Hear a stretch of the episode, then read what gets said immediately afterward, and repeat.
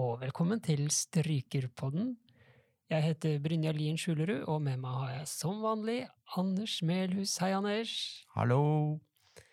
Ja, jeg har lyst til å begynne med, med deg, Anders, for du fant jo ut at du um, Når du er i ferd med å bikke 40, skulle legge ut på recital-turné. Uh, fortell litt om det. Hvorfor, uh, hvorfor bestemte du deg for det? Ja, nei, det var først og fremst fordi jeg ble spurt om jeg ville være med av pianisten, da, som, som dagen før det skulle søkes FoU-midler på universitetet der hun jobber, da, Fredrikke Bischoff, akkompagnatør. Så um, tenkte jeg ja, selvfølgelig, det kan man jo ikke takke nei til. Så da ble vi enige om å, om å søke, og så fikk vi midler, og så da måtte vi planlegge en turné. Så da um, tenkte vi la oss prøve å få mest mulig ut av det her, og sette opp ei reiserute der man kan få gjort mest mulig konserter på kortest mulig tid. Så det ble da fire konserter på fire dager rundt omkring. Ja, og, og hvordan gikk det? Det gikk veldig bra, egentlig, men uh, mens det pågikk, så, så, var det ganske intenst, kan man si. Så for min del, jeg uh, hadde litt uhell i forkant med at jeg fikk en, en alvorlig kink i korsryggen uh, uka før. Om ikke det var nok, så uka før der igjen så, så sleit jeg med Moderna-vaksine, som gjorde at jeg eh, kom veldig veldig seint på prosjektet vi hadde med, med, Miriam, som er vår gjest i dag. Og uh, ja, det var bare litt sånn uheldig, mye stress i den oppøvingsfasen uh, i forkant av turneen. Og um, det førte jo til uh, til slutt at uh, under konsert nummer to så, så begynte skuldra mi å svikte. Og uh, jeg ble da huka inn til en gæren massør i, i Svolvær dagen etterpå, som på toppidrettsnivå prøvde å, å, få kroppen i gang til å kunne fullføre turneen.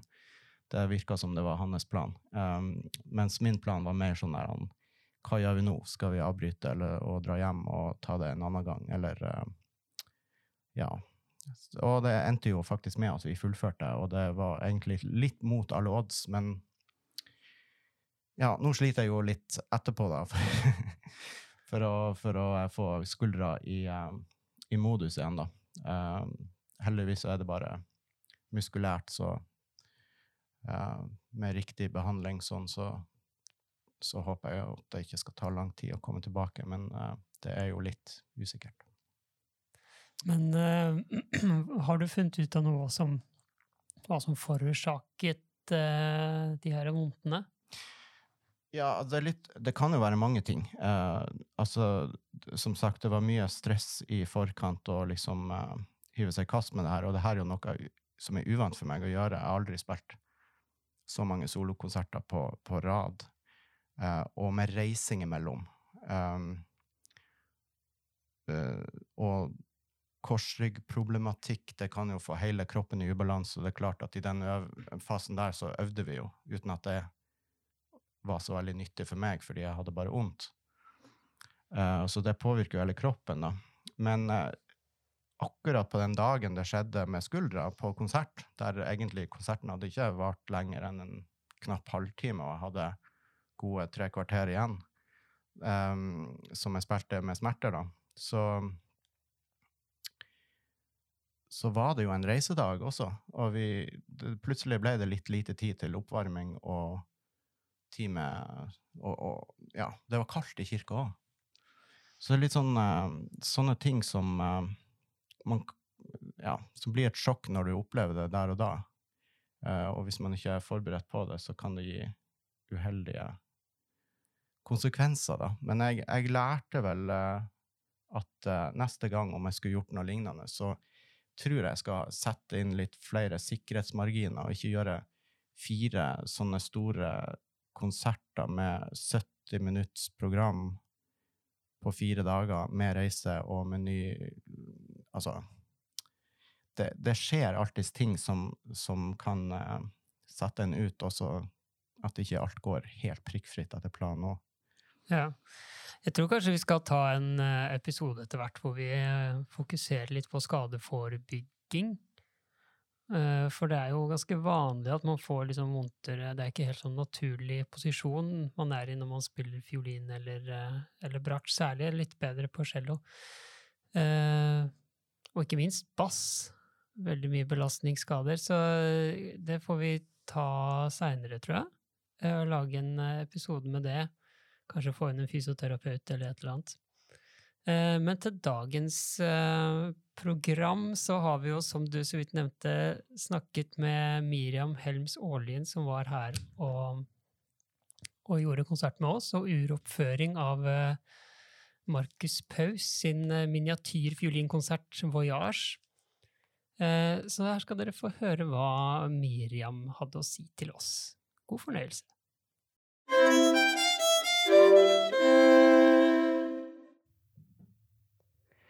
Ja, velkommen til eh, Strykerpodden, Miriam Helms Aalien. Det er en eh, glede å ha deg her. Velkommen skal du være. Tusen hjertelig takk. Vi har jo gleden av denne uka å gjøre ikke mindre enn to uroppføringer i Arktisk Filharmoni. Og begge av eh, komponisten Markus Paus. Og det ene stykket er altså Voyage, som er skrevet til deg og oss av et stykke for solofiolin og strykeorkester. Og hvordan er det å få et stykke skrevet til seg? Det er jo eh, superstas, for å ta kortversjonen. Um, jeg har, jeg har jo framført en del verk, men det har stort sett vært ja, litt solofilin, litt små besetninger. Så det er første gang jeg gjør en eh, Han kaller det jo til og med en destillert felekonsert, men, eh, men det er første gang jeg har et stykke skrevet til meg og et orkester. Um, så det er bare superstas. Kan du fortelle litt om hvordan prosessen har vært eh, mens han skrev stykket? Ja, jeg har, um, jeg har ikke vært veldig involvert i den, um, annet enn at uh, Ja, han Vi prata vel på Facebook et par ganger, og så etter hvert så begynte det å komme sånn én og én partitur, håndskrevet side på e-post, og så stoppa det litt en stund, og så var jeg sånn hm, Hva skjer? Uh, før det da etter hvert kom flere, og så var hele stykket der. Ja. Og eh, hvordan går du frem når du skal lære deg et nytt stykke som det ikke finnes noen innspillinger av, ingen vet hvordan det skal høres ut, det har aldri vært fremført før. Hva, hvordan begynner du? Altså Ideelt sett så begynner man jo likt egentlig på, på alle ting. Altså aller helst også på vanlige stykker. Så prøver jeg jo å ja, bruke det som står, se i notene. Em, spille hver frase på forskjellige måter. eh, Forskjellige fingersetninger, forskjellige strenger. Finne, finne der det føles som det gir mening. Um, Nå var det jo Egentlig hadde jeg planer om å spille det her gjennom med kvartett på forhånd, men det ble en litt hektisk festivalsommer, så da, fordi om det egentlig var musikere der jeg burde ha huka tak i, så, så fikk jeg en, en venn av meg da, som er pianist og veldig god å lese rett fra partitur, så han leste den igjennom med meg um, rett og slett uka før jeg kom hit. Og det var også veldig til hjelp for, ja, for det om jeg selvfølgelig kan lese partitur, så er det noe annet når du virkelig får det, ja, får høre klangene og akkordene i, i levende livet. Ja, det er ikke lett å bare se partituret, og så skal man liksom klare å høre inn for seg i hodet hvordan det skal høres ut. Jeg har i hvert fall veldig store problemer med det. Eh, men eh, sånn eh, hva, hva begynner du med når du Går du på liksom prøve å finne karakteren først? Du finner du fingersetninger? Finner du strøkart? Hva, hva er liksom rekkefølgen? rekkefølgen? Rekkefølge er vel I dette tilfellet så første instruksjon til meg er dreamily, altså drømmende. Så det var sånn sett ganske klart hva slags karakter han Mm. ønska seg. Um, så det er vel begynne med rett og slett å prøve Er det noe som helst som står? Uh, og så finne ut hva, hva er min rolle i partituret. Uh, spiller jeg en uh, Ja, i dette tilfellet, når jeg kommer inn, så, så ligger resten av orkesteret ganske Ja, samla egentlig i en base, hvor jeg liksom skal sveve litt på toppen.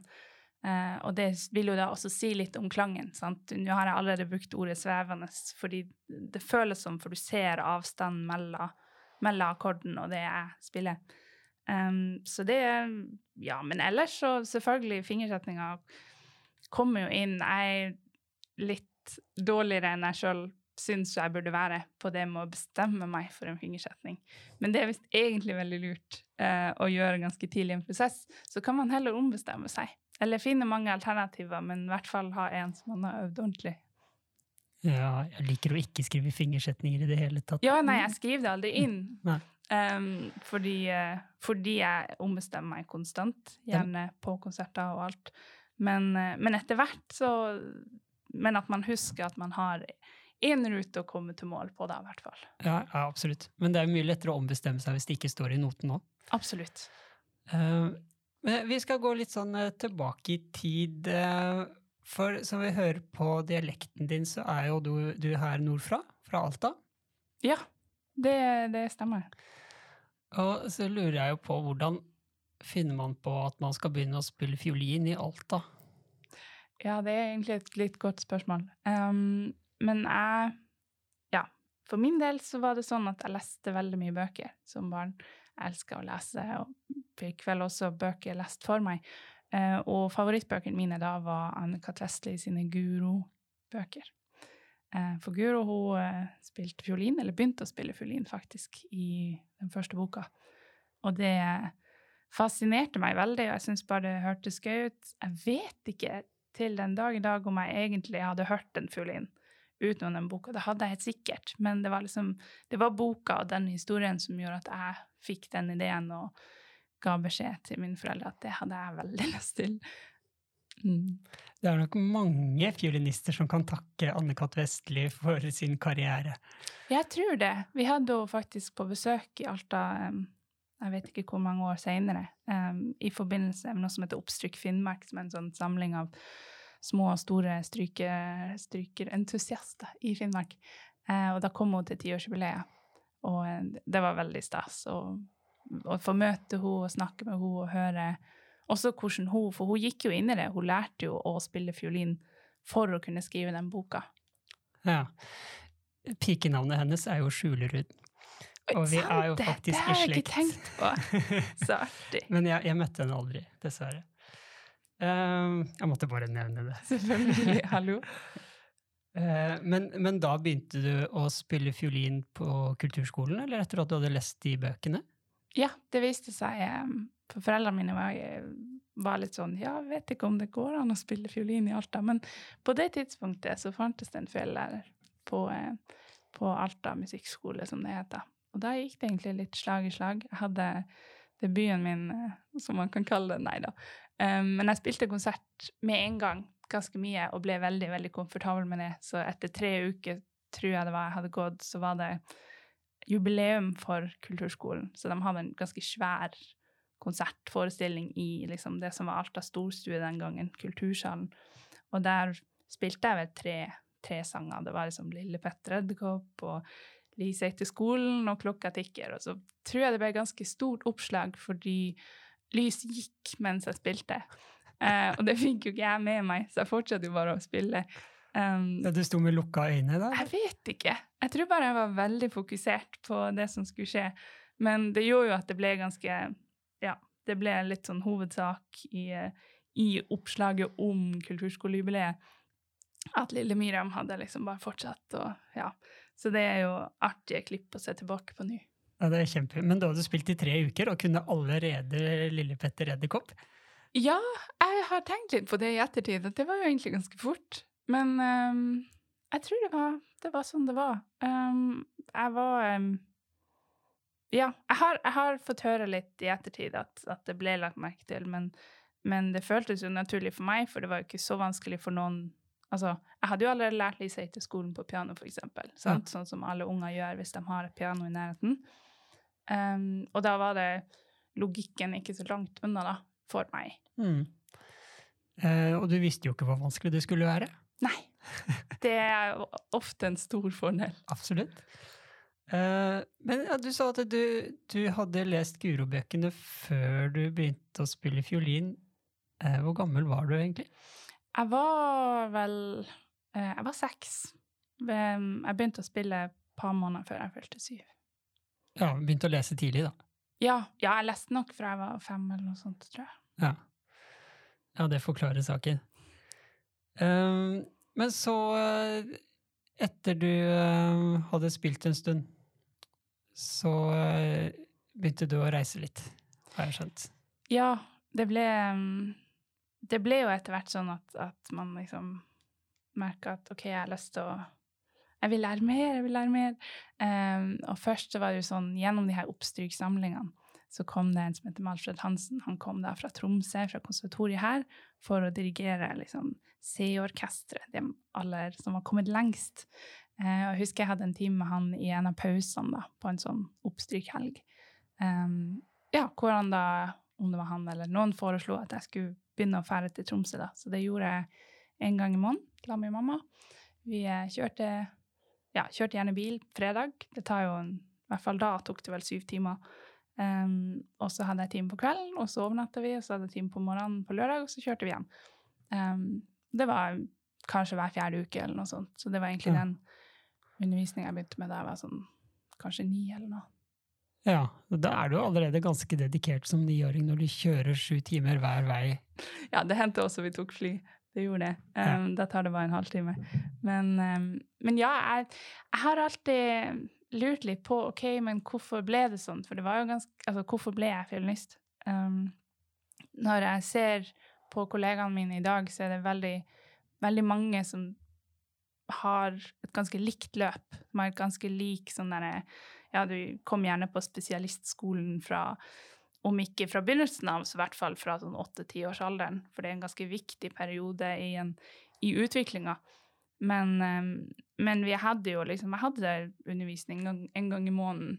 Eh, og ikke lenge etterpå så dro familien min til eh, først til Hawaii og så til Filippinene. der vi Ja, foreldrene mine jobba frivillig for en, for en kristen organisasjon. Og da var det jo ikke timer i det hele tatt. Så jeg tror for min del så, så var det veldig mye viljestyrke og veldig mye sånn Ja, jeg så ikke at det skulle være noen grunn til å slutte eller til å ja. Altså, du fortsatte å øve på egne. Hadde du foreldre som kunne hjelpe deg å øve?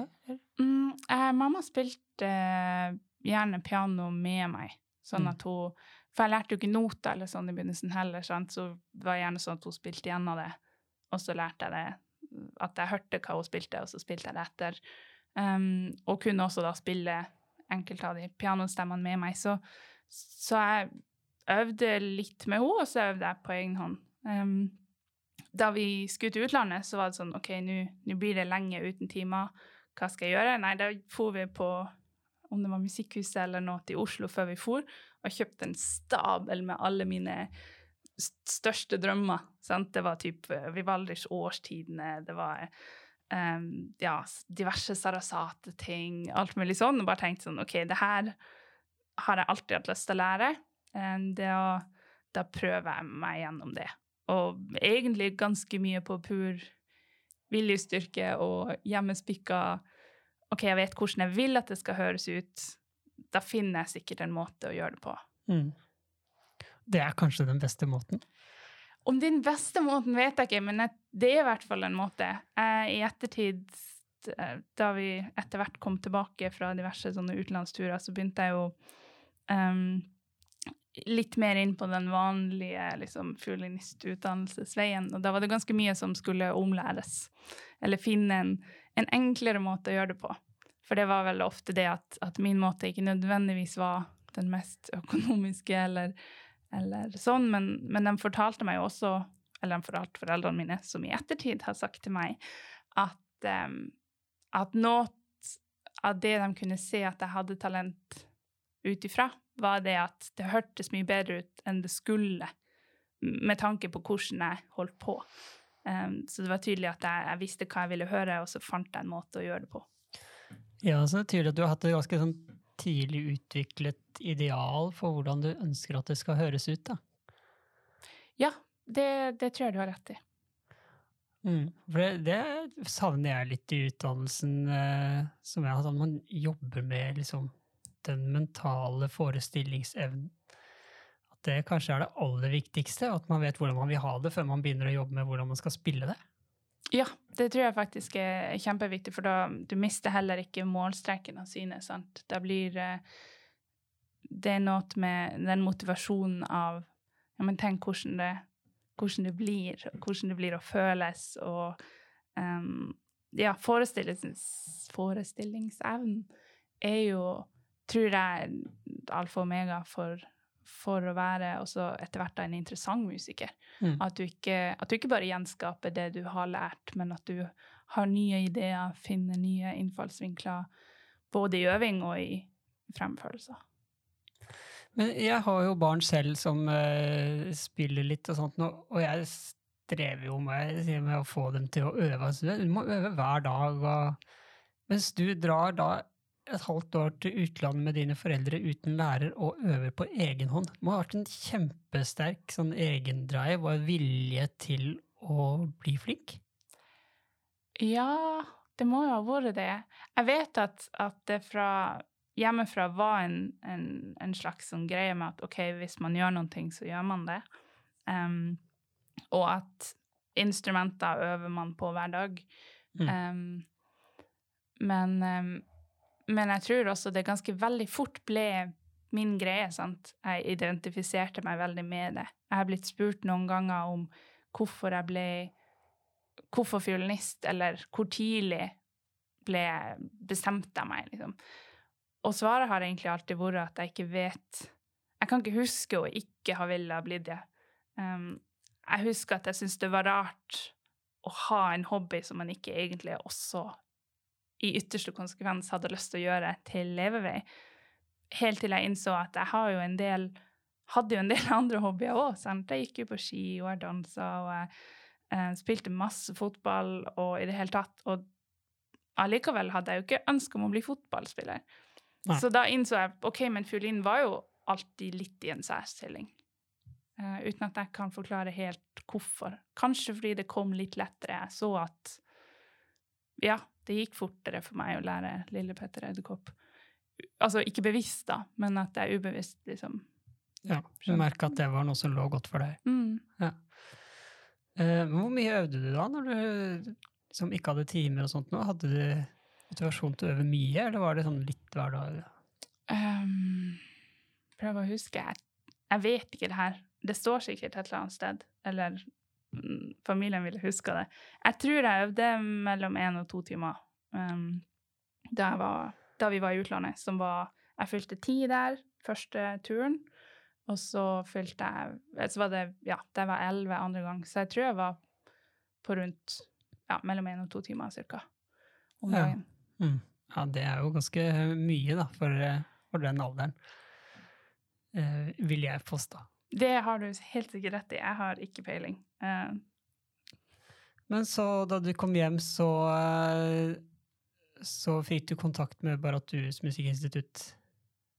ja, det var egentlig mellom de to turene så var jeg en tur eh, på Valdres Sommersymfoni Ah, som, ja. som da elleveåring. Eh, og fikk jo da ganske sånn heftig kultursjokk. Ikke bare for at det var så mange som var flinke, eh, som jo var veldig gøy og inspirerende, men også det med å, å um, Ja, å gå på konserter.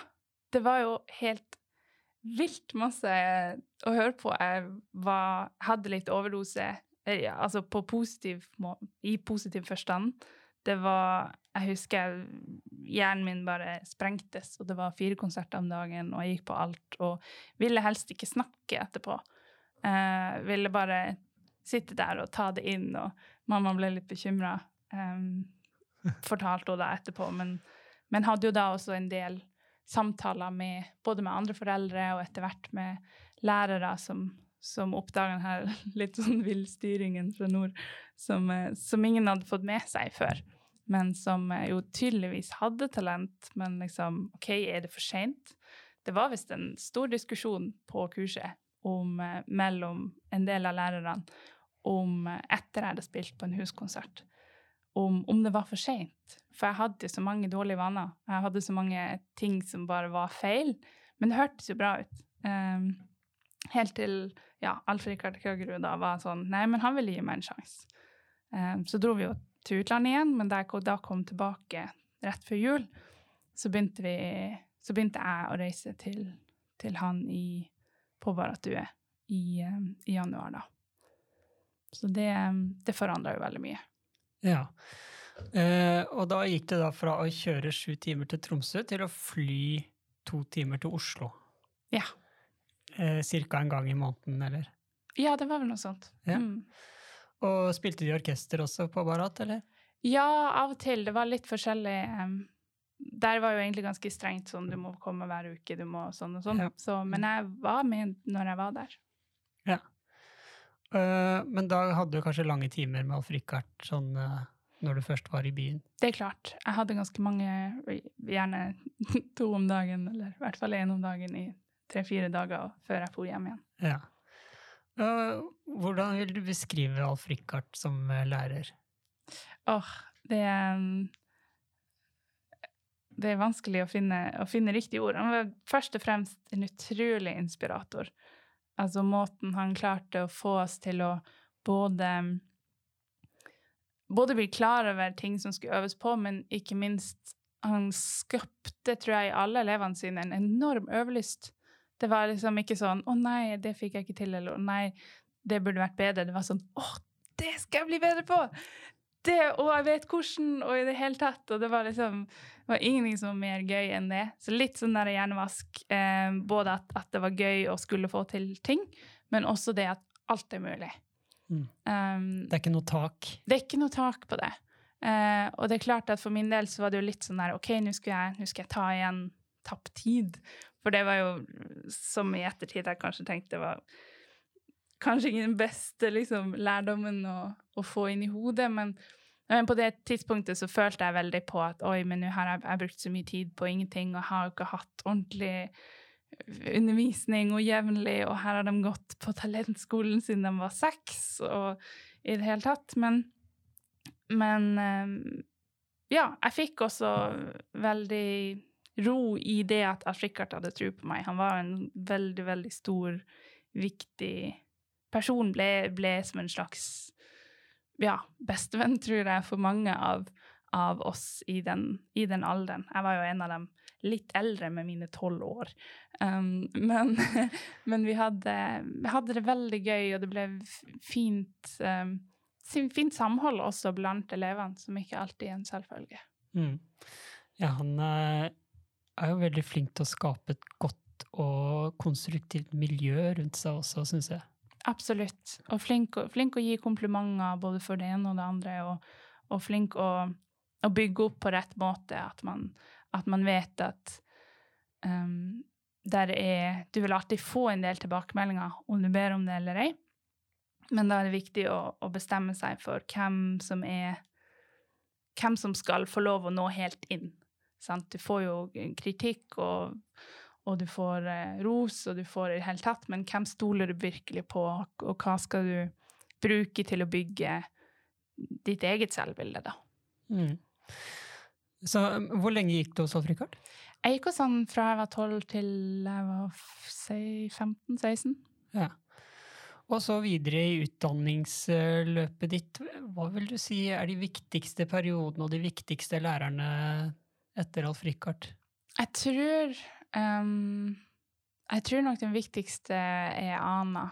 uh, Anna Tsjumatsjenko, Mm. som jeg um, kom til i Tyskland. Hun var ikke den første læreren jeg gikk hos, men jeg hadde, jeg hadde Vi var, var vel på kurs med henne første gang da jeg var 18, tror jeg. 19, kanskje. Um, og så uh, Fordi jeg hadde noen tunge år mellom Afrikart og, og eh, ja, Ana, der jeg, jeg mista litt Ja, mista litt trua på at jeg kunne, kunne finne Ja, kunne være den jeg egentlig hadde drømt om å være. Eh, ble litt tatt av det her eh, aldersspøkelset med at å, men alt må ha skjedd som, som selvfølgelig ikke er sant, men, men jeg fikk liksom for meg at nei, men hvis jeg ikke er sånn og sånn flink før jeg er 18 år, så, så går det ikke. Mm. Um, og da kan jeg liksom godt gi opp, og det fordi Ja, kanskje fordi det er blitt Det var spesielt på den tida en ganske heftig bølge med gode, gode musikere eh, og flinke fiolinister, først og fremst, som, som gjorde det bra i en utrolig ung alder. Og nå er det ikke sånn at jeg ikke gjorde det bra i den alderen, men det var jo gjerne liksom Ja, alltid eh, alltid vanskelig å, å ja, bli sammenligna opp og ned. Og vi prøvde å forholde oss og være venner likevel og heie på hverandre, og vi gjorde jo det.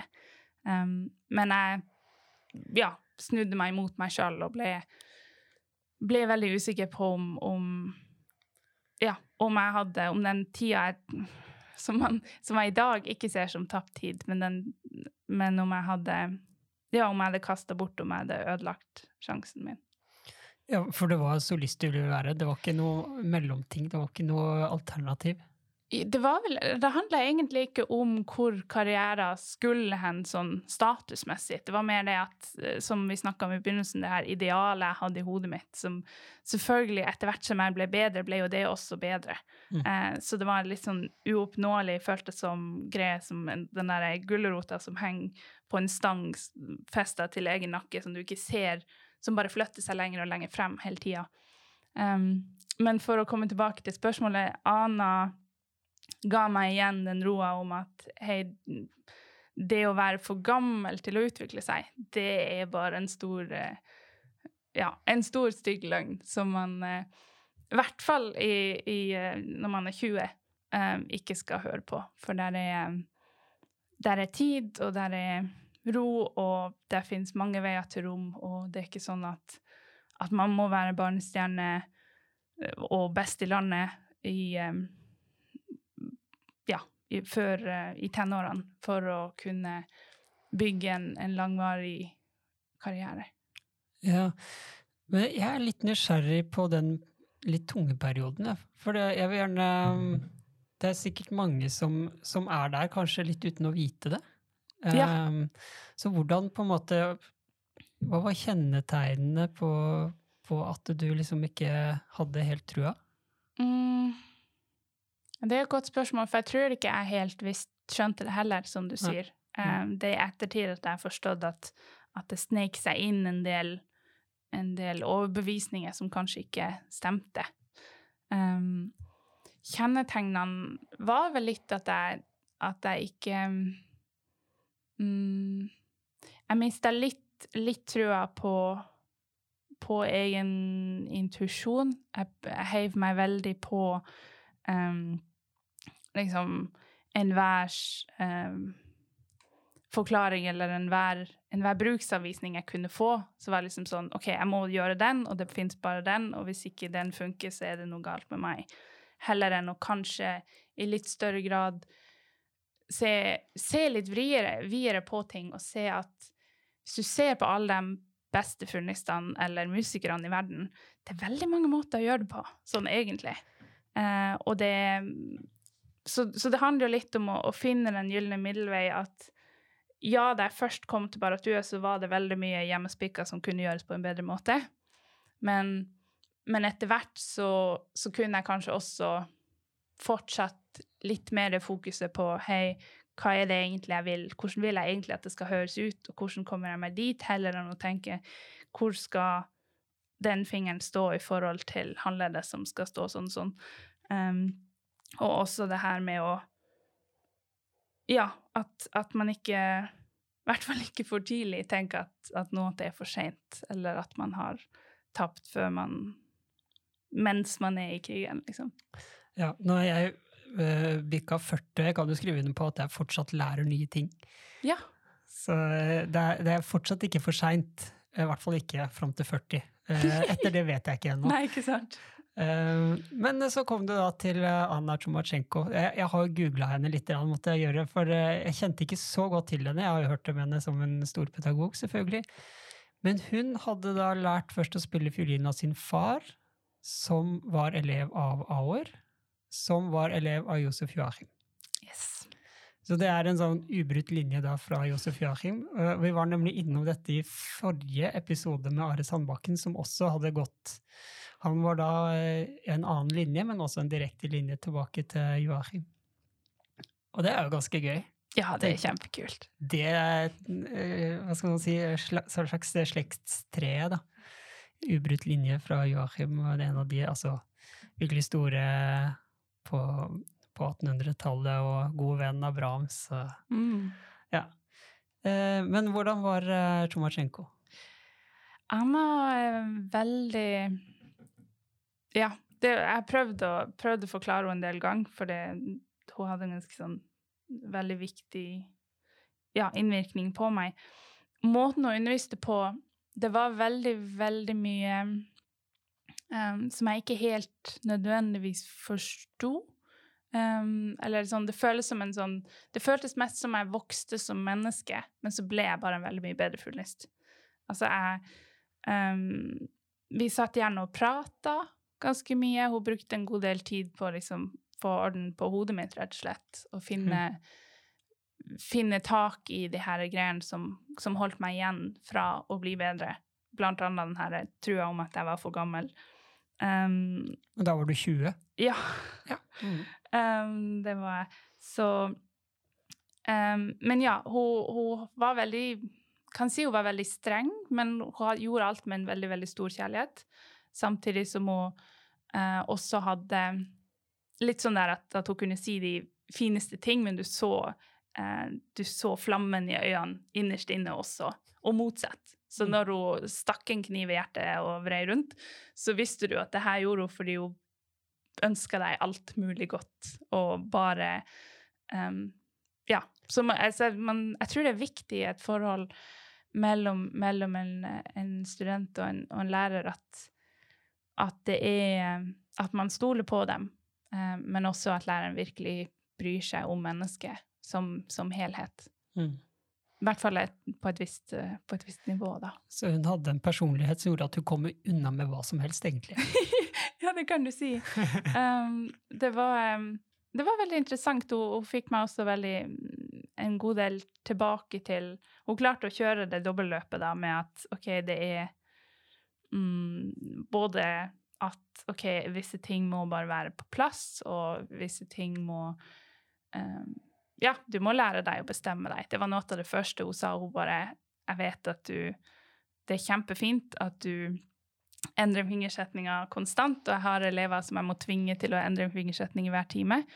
Eh, men akkurat med deg så tror jeg kanskje hvis du kan bestemme deg først, så kan du, så kan du heller ombestemme deg. Ja. fordi hun så at hun bare ja, Jeg regner med du er sånn i resten av livet òg, som jeg selvfølgelig da kunne skrive under på.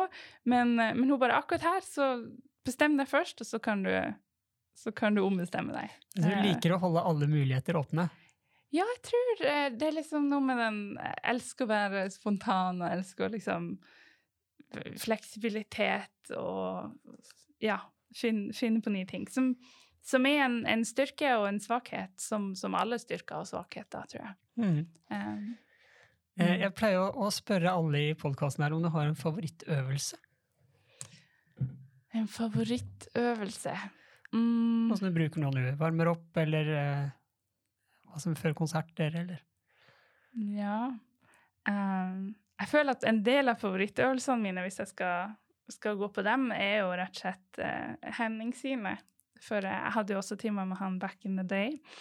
Uh, og der er Eller Skikart, eller who knows hvor jeg har fått dem fra, men jeg tror de kommer derfra. Um, som er både i, i løp og, og liksom passasjer så er det rytmeøving, sant?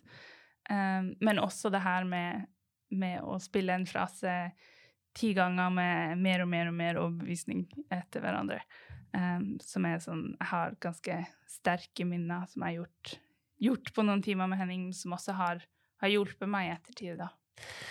Kan ikke du utdype litt det her med rytmiseringer? For altså, jeg hadde ikke hørt om det før jeg kom til Tyskland og begynte å studere. Og fikk okay. Alamian sine rytmehefter og sånn. Kan du ikke bare kort forklare hva det går ut på? Jo, um, det er um, Ja, for eksempel hvis du har et 16-dels eh, en 16-dels passasje der det er streite 16-deler eh, i eh, ja, si fire eller åtte takter, da, um, så kan du finne forskjellige rytmemønster som du da spiller den i. For eksempel så begynner man gjerne med da, da, da, da, da, da, da, da, da, da lang, lang, kort, kort, lang, lang, kort, kort. Eh, så gjør du det motsatt. Kort, kort, lang, lang, kort, kort, lang, lang. Så har du kanskje én lang og tre fort. Så da, da, da, da, da, da, da, da, eller da, da, da, da, da, da, da, da, da, da. Så du gjør ja, alle mulige øvelser, og, og da får man både trent mengde uten at du kjeder vettet av deg. Eh, så du får gjort de samme bevegelsene mange ganger etter hverandre, men du får også ganske fort, og spesielt punkteringer er kjempefint å gjøre. Så da, da, da, da, da, da, da eller da, da, da, da, da, da, og være skikkelig um, Ja, være litt, litt streng med seg sjøl. Uh, og da merker man også mellom hvordan to fingre det kanskje er innebygd i en liten treghet, eller sånn, uh, som man da blir kvitt ved å tvinge fingeren fortere på plass, eller sånn. Um, det var vel ganske kort forklart. Bruker du metronom når du gjør de her øvelsene? Jeg pleier ikke å gjøre det, Nei. men uh, det er nok en god idé. Ja, jeg vet ikke. Jeg tror det er lurt å gjøre begge deler. Ja. Metronomen kan avdekke noen av de, de uh, urytmiskhetene som du nevner. Pluss at det er fint å gjøre det uten metronom, for det er jo sjelden at man egentlig skal spille et løp metronomisk. Det stemmer. Um, men eh, hva, hva gjør det med hvorfor, hvorfor blir det lettere etterpå når man har gjort det her, tror du? Ja, hvorfor gjør det det? Jeg, jeg tror det har med, med både det å ha um, Av og til så er det sånn at på den Man lærer Ved å lage en rytme på det, så, så får man også notene, notegruppene litt mer samla, sånn at i stedet for å bare gjøre én og én og én tone, så kan du tenke fire og fire av gangen. Og da blir det lettere, for du har mindre å tenke på. Hvis du bare husker gruppe 1, 2, 3 og 4, heller enn å huske 16 enkelttoner og bevegelser som skal komme etter hverandre. Mm. Så du kan automatisere um, en hel gest eller en hel gruppe som kommer etter hverandre. Så det er litt som hvis du skal um, drikke et glass vann, så så tenker du ikke liksom, OK, den fingeren der, den fingeren der, så går handa ut, så må jeg løfte. Det blir én bevegelse. Mm. Um, og det hjelper også når man, når man grupperer dem litt sammen. Eller man kan, hvis man vet at OK, jeg klarer ikke å spille hele løpet fort, men jeg klarer å spille de fire første tonene, så gjør man bare dem igjen og igjen. Og så kan du kanskje ta de fire neste tonene, og så putter du dem sammen i én, så blir det plutselig åtte som du har klart å spille fort. Um, fordi hjernen da ikke trenger å tenke på hver eneste lille bevegelse mellom to fingre, men kan tenke jeg tror fire, og fire, fem, fem har vi ikke. Um, men uh, ja, Ja, så man, eh, man eh, på en måte lager større bolker for hjernen. rett og slett. Eh, for meg så er det også ofte sånn at jeg, hodet henger ikke med. Altså min eh, aktive, på en måte kontrollerende hjerne klarer ikke å få med seg så mye på en gang. Så jeg må, Mm. jeg må dele det opp litt. Ja. Men hvis jeg rytmiserer, så får den med seg. Det, Renette, da har du skjønt det, holdt på å si. Og, og liksom da til slutt, eh, så eh, når det kommer til det underbevisste og liksom kroppen har lært det, så trenger jeg ikke å drive og kontrollere det lenger. Nei, da kan man eh, kose seg med musikken, for Ja, eksempel. ikke sant? Det er mye hyggeligere. Um, jeg vil også spørre instrumentet du spiller på. Ja. Eh, det er eh, Jeg har ikke spilt så lenge på det. Jeg, fikk det, fikk det i år. Eh, det er en Antonio Stradivari. Um, kalles for The Reagan Strad.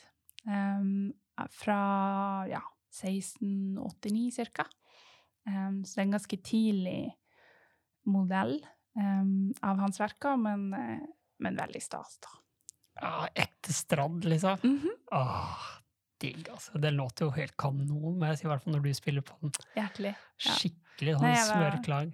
Ja, den er, den er kjempeforskjellig fra Jeg spilte en Guadagnini før og Mm. hadde spilt på den i nesten ti år. Eh, så det var en ganske stor overgang. Og plutselig ikke bare Ja, og, og, ikke bare ha dybden, men, men jo også ganske heftige um, Ja, glittertoner der oppe. Ja, og Eh. vanvittige overtoner her eh, når du er oppe i høyden. Mm. Så eh, ja, det er da Sveaas-stiftelsen, eller eh, fondet, som, som eier den, og som har eh, lånt den ut til meg. Så hyggelig. Ja, jeg er veldig, Ja, veldig takknemlig. fantastisk. Hvem var det som spilte på den før, vet du det? Det var eh, Ragen Wenck Wolff, faktisk. Så hun eide den og har spilt på den, tror jeg, i 30-40 år. Mm. Um, og derav også den har nå fått navn etter henne. Det er jo sånn at uh, fuglinene gjerne får uh, ja, får litt sånn kallenavn, så man ikke bare sier Stradd fra 1710, men, men da eh, lord et eller annet, eller da i dette tilfellet Ragen. Ja. Um, av en, en viktig eier, da, gjerne. Ja. Blir det årlig en Stradden? Det gjenstår jo å se. Eh, lu- ja, jeg må jo få gratulere deg med nominasjon til Norske solistpris. Takk. Hvordan, eh, hvordan er det å bli eh, anerkjent på den måten?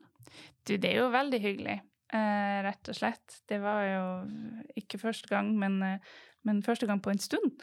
Um, så det, det er klart det betyr eh, Det betyr noen ting at, at folk legger merke til en. At man eh, får eh, Ja, i dette tilfellet så er det ut sånn at de da har hørt igjennom en del en del eh, innspillinger og Eller da liveopptak som man har gjort. Og så ja, det, det er alltid litt mer stas når man ser at juryen består av eh, folk som, som faktisk har peiling og, og vet litt ting. Um, samtidig så, så tror jeg det er um, ja, en ganske viktig del av, av det å bli musiker, er å, å finne, finne folk man stoler på, og så finne trua i seg sjøl på at den Hvem man er, uavhengig av den anerkjennelsen som enten kommer eller ikke kommer Mm. i enhver tidsperiode. Eh, så det er kjempestas nå. Eh, og jeg er oppriktig glad, og jeg lar det komme inn, men jeg vet også at jeg kan ikke bygge hele min selvfølelse på at det skal være noen andre som, em, som legger merke til meg, eller, eller Mm. finner ut. Um, så det er en sånn, sånn dobbeltsidig greie som jeg tror kommer med alderen, uh, egentlig. Uh, samtidig som jeg også har, har ballast fra fra Nå har ikke jeg drevet med konkurranser um, siden jeg Etter at jeg liksom slutta å være barn. Um, men også da var det ganske sånn um, Afrikart og, og alle var ganske flinke til å si hei, det her er noens mening den dagen, eh, og nå skal vi jobbe videre. Mm. Eh, så, men jeg er selvfølgelig supertakknemlig for, eh, for å bli lagt merke til, og for å um, Ja, den anerkjennelsen som da følger med. Men eh, bare sånn lite tankeeksperiment. Det er sånn du, da du var 19 og var litt sånn langt nede, hadde blitt nominert til en sånn pris og ikke fått den. Hva ville det gjort med deg som musiker, tror du? Um, jeg tror at på det tidspunktet så ville det ikke gjort så mye, for det var det jeg forventa. Um, Jeg forventa at, at ingen, eh, ingen Eller sånn jeg, jeg var heller sånn at jeg tok uh, Forventa mange avslag, eller forventa sånne ting, på det tidspunktet. Men, uh, men det som kan skje, er jo at uh, at, ja, at man tar det som en bekreftelse på at eh, på noe som det ikke er ment som en bekreftelse til. Sant? For egentlig så skal man bare være Så er det en stor ære bare det å nomineres, sant? Og det kan Mm. være 100 grunner til at noen vinner, eh, og ingen av dem er 'du er ikke flink', eh, eller 'de andre nominerte er ikke gode nok', eller 'burde gi opp'. Um, så det tror jeg er kjempeviktig å huske på. Men dersom du hadde fått den, da? Nei, eh, på det tidspunktet så hadde Jeg vet ikke. Um, der er jo eh, Det hadde sikkert gjort noe, samtidig så tror jeg at dem- det som skjedde i meg, var en, var en del av et enda større bilde, som ikke bare Som, som i stor grad var en, en kamp mot meg sjøl, og Mm. ikke bare en kamp 'Å nei, det er ikke mange nok som, som legger merke til meg', men heller en sånn 'Jeg er ikke der jeg har lyst til å være', og jeg har det her idealet for øye, og og jeg føler ikke at, at jeg ja, er så god som jeg syns jeg burde. Um, så, så det er ofte men, men det er klart Det er små marginer, og det er små tilfeldigheter som gjør at ting skyter i fart eh, karrieremessig på forskjellige tidspunkt. Um, eller ikke. Uh, og det må man bare finne, finne sin egen vei og, og ta den tida man trenger, og stole på at den jobben man gjør på øverrommet, kommer til å bli satt pris på av publikum. For det er jo til syvende og sist um, den interaksjonen med dem som vi gjør det for, vil jeg tro. Ja, absolutt. Så um, hvordan ser kalenderen din ut i dag? Ja, den er litt uh, koronainfisert fortsatt. Ja. Det nylig ble jeg, om det var forrige uke, som jeg hadde gleda meg veldig til. Jeg skulle gjøre min debut i Tårnhalle i Zürich. Med et orkester, og så var det bare sånn Å, ja, nei, vi må egentlig avlyse. Den har blitt utsatt tre ganger allerede. Ja. Um, men um, det var nå i oktober. Men uh, pff, nei, det går egentlig Det går jo greit. Der er jo uh, alltid nye ting som kommer. Uh, forskjellige Ja, både orkestre og alt, egentlig. Fra sånne små Nå skal jeg spille på Musikkens Venners uh, jubileum i Mandal med uh, Knut Johannessen, uh, og så til liksom Ja, større orkestre rundt omkring. Så, så egentlig er det masse, masse forskjellig. Jeg har jo et hovedprosjekt, kan man vel kalle det, hvert år. Det er litt gøy at jeg sier hvert år, for det har ikke skjedd så mange ganger. Men, men i februar Hva? Hvor mange år har du? ja? Det har bare skjedd to år. Ja, to år, ja. Eh, Men vi har jo planlagt litt lengre. Både at vi begynte tidligere, og nå at vi holder på frem i tid. Så nå skal jeg avsløre hva jeg snakker om. Eh, Festivalstad. Eh, det er Fastland-Norges eh, nordligste festival. Eh, Kammermusikkfestival, da, må sies. Eh, dere har jo en eh, her i her i nord så har dere jo samarbeid i, i Svalbard, som er kjempetøft. Men vi har, eh, har nå også starta i Alta. Eh, det er første gang noe sånt her har funnet sted i Finnmark. Eh, og det er Vi begynte i 2020 eh, med første festival, og det ble faktisk en braksuksess fra første stund. Og det er veldig gøy. Det er utrolig kult. Ja. Både at du har turt å starte det på egen hånd, og at det blei så, eh, så bra oppslutning om den. Ja, det er noe med å se på eh, hva slags eh, grobunn man har fra før, sant? For Mm. der er klassiske konserter finner ikke sted så veldig ofte i Alta. Det er veldig fornøyd hvis det er en i måneden. Eh, så der er ikke et publikum som liksom har abonnement hver uke på et eller annet. Um, og det kommer kanskje gjennomsnittlig sånn 40 personer eller noe på klassiske ting. Men eh, første utgaven av Festivalta hadde vi 170 eller noe gjennomsnitt på fem konserter på tre dager. Eh, altså per konsert. Så vi var jo Ja. Det var veldig, veldig gøy. Og alle som sa noe, eh, sa at de ville tilbake. Så det, det er stas. Ja, men du har jo en høy stjerne i Alta, har jeg skjønt. Jo da, det har nok hatt en innvirkning. Men så er det jo ikke hvem som helst du får med deg heller. Nei, det er jo det som er, kanskje gjør at, at folk legger litt merke til det utenfor Finnmark òg, at eh, i, eh, etter ganske mange år egentlig litt sånn Jeg har jo spilt i Norge jevnlig, men jeg har jo bodd i Og jeg bor fortsatt i Berlin. Eh, så er det Ja, så får man jo nye venner, og man blir invitert til å spille en del på kontinentet. Men en av grunnene til at jeg starta er jo var jo rett og slett å kunne ta med, ta med alt jeg gjør der nede, hjem. Sånn at eh, ja, hjembygda får, får med seg eh, Både får muligheten til å høre sånne konserter, eh, men også for da venner og kollegaer i, i Europa og, og se hvor jeg kommer fra. Se hvordan, hvordan jeg vokst opp. Og ja, den, den brobygginga, som man kan kalle det, er bare den, den gir meg masse, og jeg tror den gir folk på forskjellige sider av broa masse òg. Så det, det er gøy. Mm. Kan ikke du reklamere litt for hva som kan skje på neste års festival? Ja, um, det er jo um, um, du har vi akkurat fått en avlysning, men, men um, ja.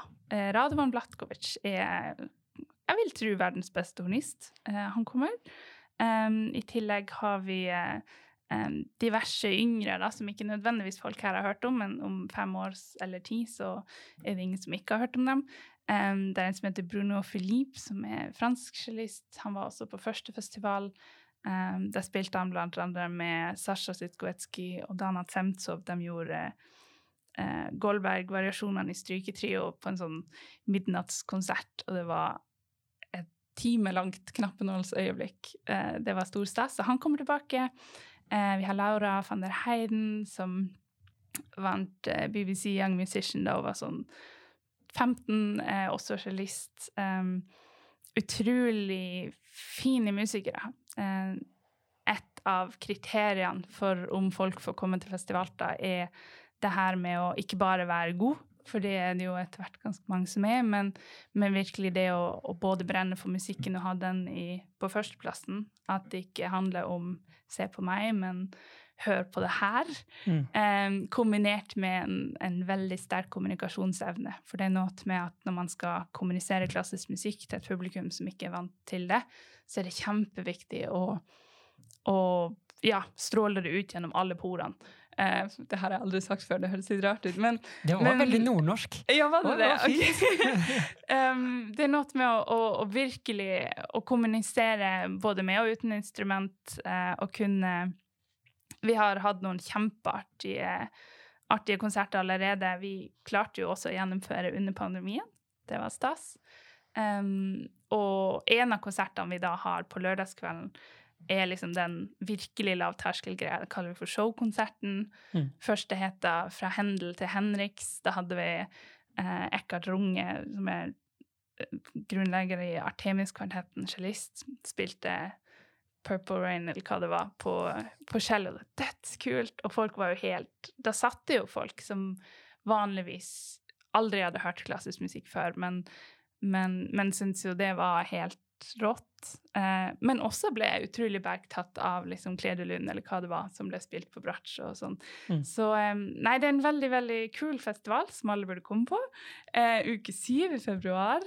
Um, ja, neste år um, Vi har egentlig ikke lov Jeg sitter jo her og begynner å nevne navn, men jeg, det skal egentlig ikke slippes uh, før i oktober. Så jeg tror jeg må Nå har jeg sagt tre.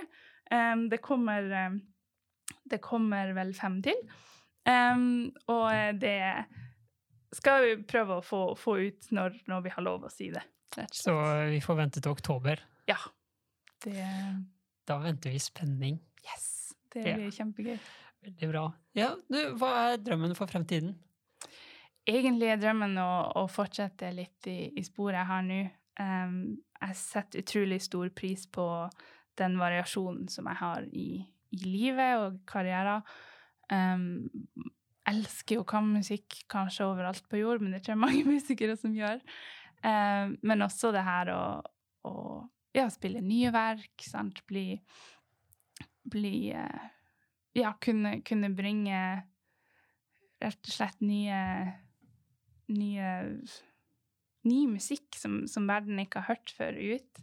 Eh, nei, jeg vet ikke. Jeg vil jo gjøre alt, sant. Jeg elsker å spille solo Bach sånn hele kvelda. Eh, jeg har det kjempegøy med med svære felekonserter og mindre felekonserter. Og i det hele tatt Drømmen er å, å fortsette sånn som det er nå. Um, og ja, å finne, finne, en kontinuitet i det også etter uh, koronapandemien. Um, det er vel en, en, fin drøm å ha, tror jeg. Det høres jo veldig bra ut, og jeg ønsker deg all mulig lykke til med det. Tusen takk. Og tusen takk for at du stilte opp i Strykerpodden. Veldig hyggelig.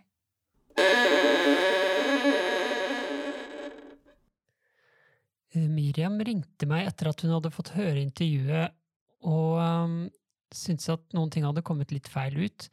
Så jeg ringte henne opp igjen, skrudde på opptakeren, sånn at hun kunne få presisert hva hun egentlig mente. Ja, Miriam, du hadde jo da noen eh, små korreksjoner som du hadde lyst til å komme med til intervjuet. Eh, og, og, det gjaldt jo da de her eh, årene fra du var 16 til 20, så vidt jeg har skjønt. Ja, det var vel egentlig ja, rundt den tida jeg innså at det, det kom jo ut som om alt var vanskelig en stund. Um, men um, jeg ville bare få presisert at det var jo en, det var en indre greie. sant? På utsida så gikk det jo faktisk veldig bra. Jeg var jo nominert til f.eks. Solistprisen både én og to ganger, uten å få det, riktignok. Ja, du var det, ja. Eh, ja da.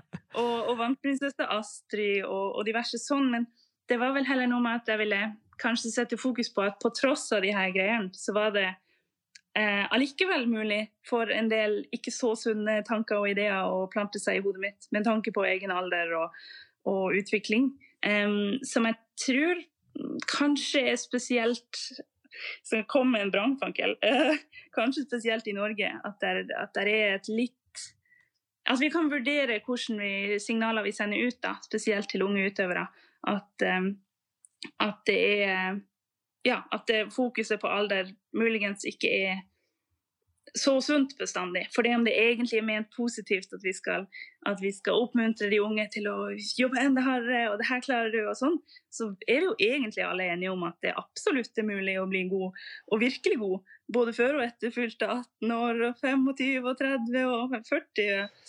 Um, så ja, det var vel egentlig bare det. Uh, jeg tror um, og, og, kanskje også at, at det her med å å konkurrere, som er en fantastisk motivator, um, er noe man må, man må passe på hva slags, um, hva slags signaler som kommer med det. At vi har At vi har um, Ja, jeg tror at i den perioden hadde det vært fint om noen hadde tatt litt flere samtaler med meg om, om alle de her tingene som, som blir kommunisert uten, uten at det er noen som kanskje egentlig ønsker det.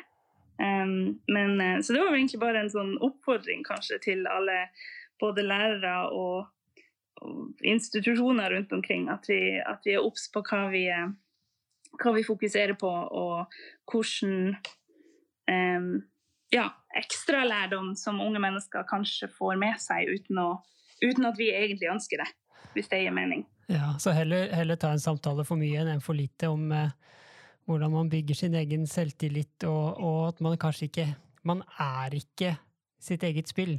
Ikke sant? Det er ikke det som bygger identiteten. Mm. Og, at, eh, og at det er Alle går gjennom både, både opp- og nedturer, og også dem som ser ut som om dem, som det går så bra at de kan jo umulig ha slite. At man snakker litt med dem òg. Um, ehm, for det er også altså, folk med enda tilsynelatende enda bedre eh, karrierekatapult enn meg i den tida, vet jeg at hadde det vanskelig. Vi snakka litt om det både da og i ettertid. Eh, at eh, ja, at kanskje det Kanskje det ja, hadde vært bra med, med enda litt mer mm, ja, søkelys på, på den langvarige veien. At ikke alt må skje før du fyller 20, eller noe sånt. Um, mm. Så ja.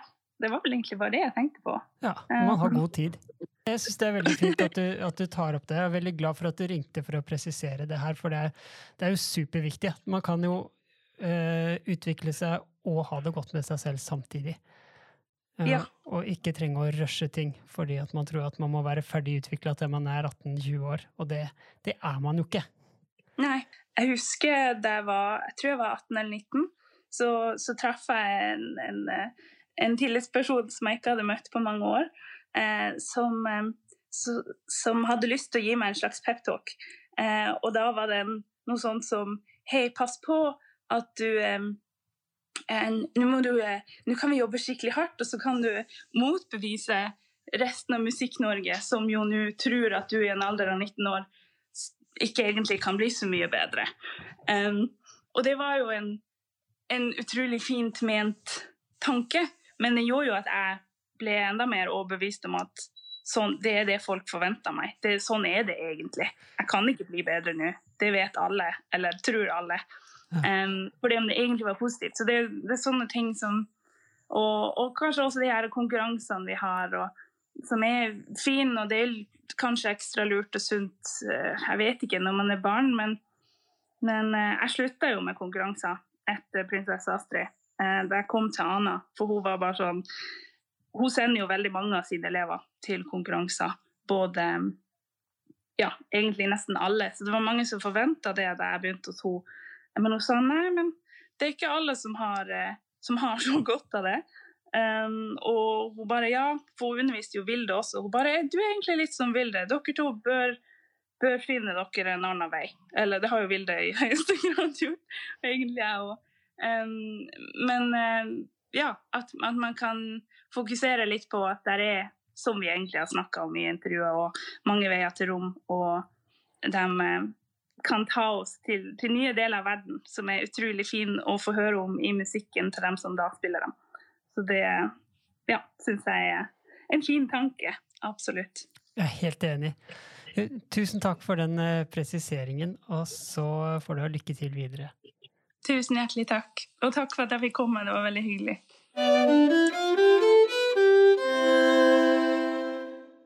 Ja, det var Miriam Helms Aarlien. Og eh, ja, du har jo litt erfaring med det selv, Anders, å vokse opp liksom litt i utkanten og på en måte oppsøke ressurser der det fins. Og det, det snakka hun litt om her, at man må liksom må reise og liksom prøve å finne ut hvordan man kan gjøre ting litt på egen hånd. Da. Ja, jeg kjenner meg godt igjen eh, i Miriam eh, på den biten der. Um, der det er langt til lærekreften, kanskje, som man ønsker å ta stigene, stegene videre med. Um, og da da er det nesten uh, en fordel å ha en sånn indre kraft som hun tydeligvis har. da. At, at uh, hun har, et, um, har hatt et ønske fra tidlig av hvordan hun vil uttrykke seg på fiolin. Og hele veien gjort sitt beste for å, for å få til, liksom. Inntil hun da får hjelp til å gjøre det mer økonomisk uh, på den tekniske biten for å få til. Ja. Så man kan jo kanskje si at hun til tross for dårlige odds da har klart å, å bli god. Men kan det være at det har noen fordeler også? Ja, det tror jeg. Um, det, hun nevnte vel det at det hadde sikkert både svake og sterke sider, da. Og det tror jeg på. At uh, til syvende og sist så ønsker man jo sikkert som musiker å uttrykke, uttrykke noe innenfra og, og få det ut. Uh, det er i hvert fall noe jeg, uh, jeg kjenner på, at det er det jeg vil. Og da, um, da er den der indre drivkrafta utrolig viktig, da. Den overskygger alt. Så bare Ja, jeg må også nevne det at når hun snakker om den der bekymringa for å være for gammel, på en måte, når du, når du da blir eldre og eldre, og så kanskje du har folk rundt deg som du ser har kommet lenger, eller Og særlig når det oppstår diskusjoner blant lærere, kanskje som Ja, er det for seint, eller har du, ikke, har du ikke kommet lenger det, før du er 20 år, eller noe sånt, så er det ikke noe håp, eller Og så er det liksom hva, Hvorfor gjør man det her? Det er jo for å uttrykke noe Man har vilje til å uttrykke musikk, og uh, jeg mener at uh, den drivkrafta er viktig på uansett nivå. Uh, amatør så vel som profesjonell, og så um, nå har jeg nettopp fylt 40. Og, uh, Gratulerer. Jo, takk.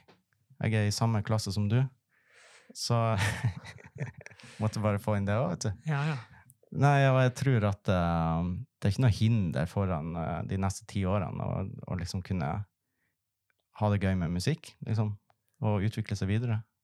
Nei, vi kan jo bare slå fast at den myten om at man ikke kan bli god å spille et strykeinstrument hvis man ikke er dritgod som 15-åring, det kan vi bare drepe med en gang. det er mange veier til rom. Det er mange veier til rom. Men uh, det at man kan ha en fordel av å lære en del ting når man er liten, det er det vel ikke noe tvil om at uh, man Mm. er veldig mottakelig da når man er liten. Mm. Men det betyr jo ikke at man er fullstendig blokkert når man bikker 20. Ja, jeg synes i hvert fall at man må ikke gi opp drømmen, eller man må ikke gi opp uh, det, det, det går an, liksom. Man, uh, Absolutt. og jeg tenker at den viljen der er i seg sjøl det vakreste som fins.